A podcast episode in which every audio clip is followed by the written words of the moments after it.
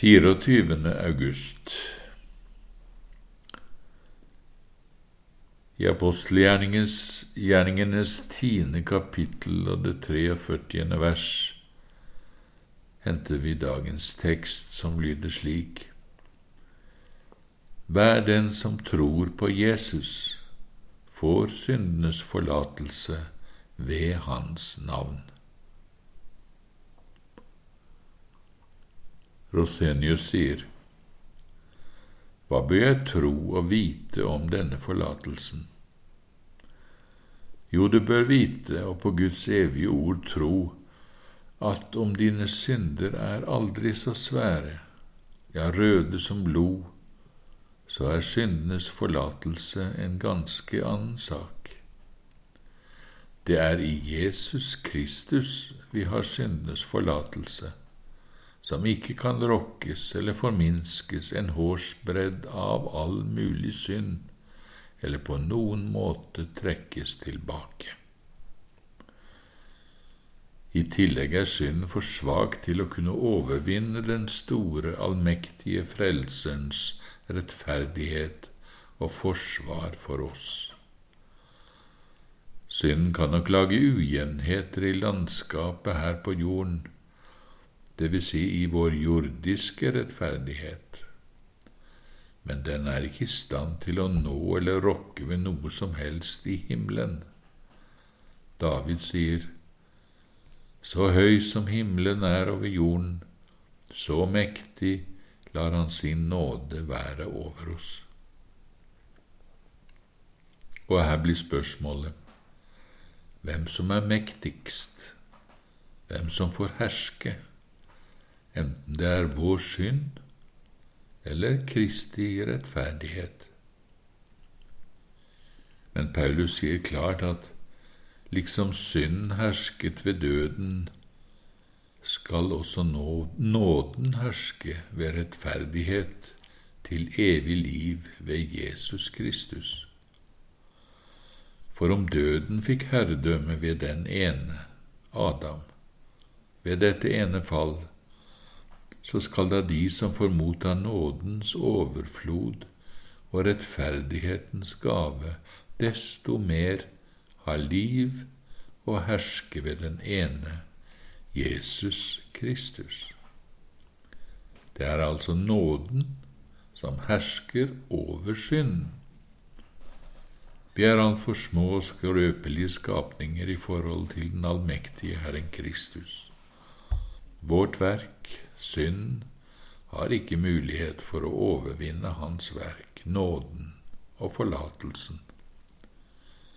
Skulle jeg som tror på Kristus eie nåden bare så lenge jeg selv lever et pent og kristelig liv, og så miste nåden straks jeg gjør noe som er synd, ja, da er jo Kristi rike et gjerningsrike som hersket over nåden og ikke et nåderike som hersker over gjerningene. Hva nytte hadde vi av Kristus da? Hvis jeg skulle ha nåde så lenge jeg levde et rett liv, men ikke lenger, da kom sannelig rettferdigheten av gjerninger. Men da var jo Kristus også død forgjeves. Det var ikke en slik ustadig nåde vi fikk da Jesus ble menneske og ofret sitt blod for oss. Så er det da ingen fordømmelse for dem som er i Jesus Kristus. Mine barn, dette skriver jeg til dere for at dere ikke skal synde. Men hvis noen synder, da har vi en talsmann hos Faderen, Jesus Kristus, den rettferdige. Første Johannes brev, 2. kapittel, vers 1. Vi skal derfor ha klart for oss at når Gud i sitt ord taler advarende og truende om våre synder og plikter, så gjør han dette bare for å vekke og forskrekke de selvsikre og lettsindige sjelene som aldri vil omvende seg. Han gjør det for å drive dem til Kristus og for å holde de troende våkne og levende i troen. Men det er aldri fra Guds side med hensikt på å trekke tilbake selve nåden, for da vil jo loven være imot Guds løfter, og det er langt ifra. Nei, hver eneste en som tror på Kristus, er for evig fri fra all lovens forbannelse og lever nå i den fristaden og på den plassen der ingen synd kan nå ham eller tilregnes ham, slik det står skrevet. Salig er det menneske som Herren aldri tilregner synd. Legg merke til aldri tilregner synd. Dette er Kristi rike, et evig forlatelsens rike for hver stund og uavlatelig, som Herren høytidelig omtaler slik. Det folket som bor der, har fått sin synd forlatt. Altså, alt ondt jeg kjenner og ser hos meg selv, av kulde og treghet, feighet, menneskefrykt, utålmodighet og sinne, urene lyster, eller hva det enn måtte være. Det er alt sammen synd som fortjener å bli straffet, som jeg må angre og bekjenne. Men nåden, forlatelsen, er alltid den samme. Den rokkes ikke en hårsbredd og trekkes aldri tilbake.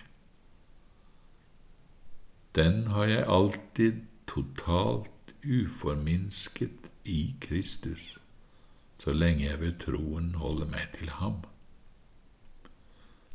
Da har jeg også i den samme troen alltid det sinn som dømmer meg selv, lider over det onde og gir Ånden rett når den taler.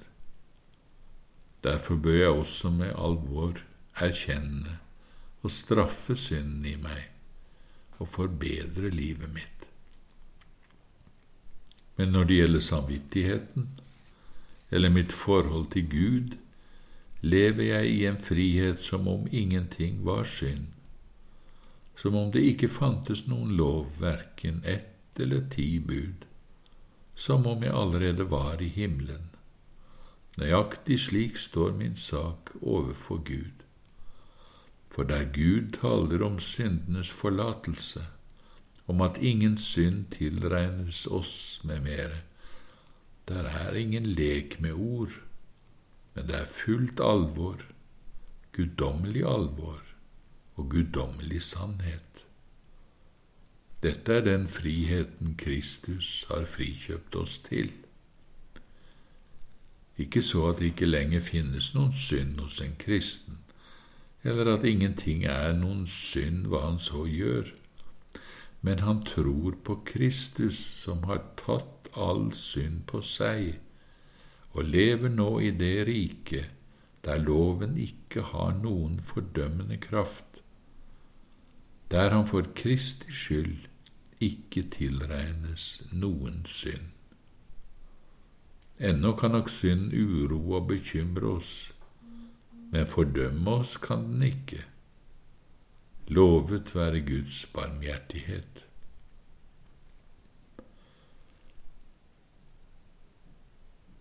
Dette har Luther noen treffende ord om. Han sier I vårt kjød bærer vi med oss en stadig synd så lenge vi er her på jorden. Våre feil og forseelse tar aldri slutt.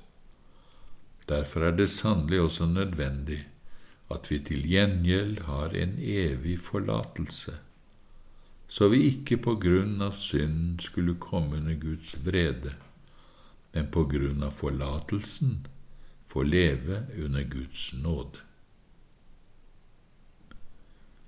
Ja, dette er Hans evige pakt, som står fast og ikke vakler, så hjertene våre kan være sikre på at synd ikke kan fordømme oss.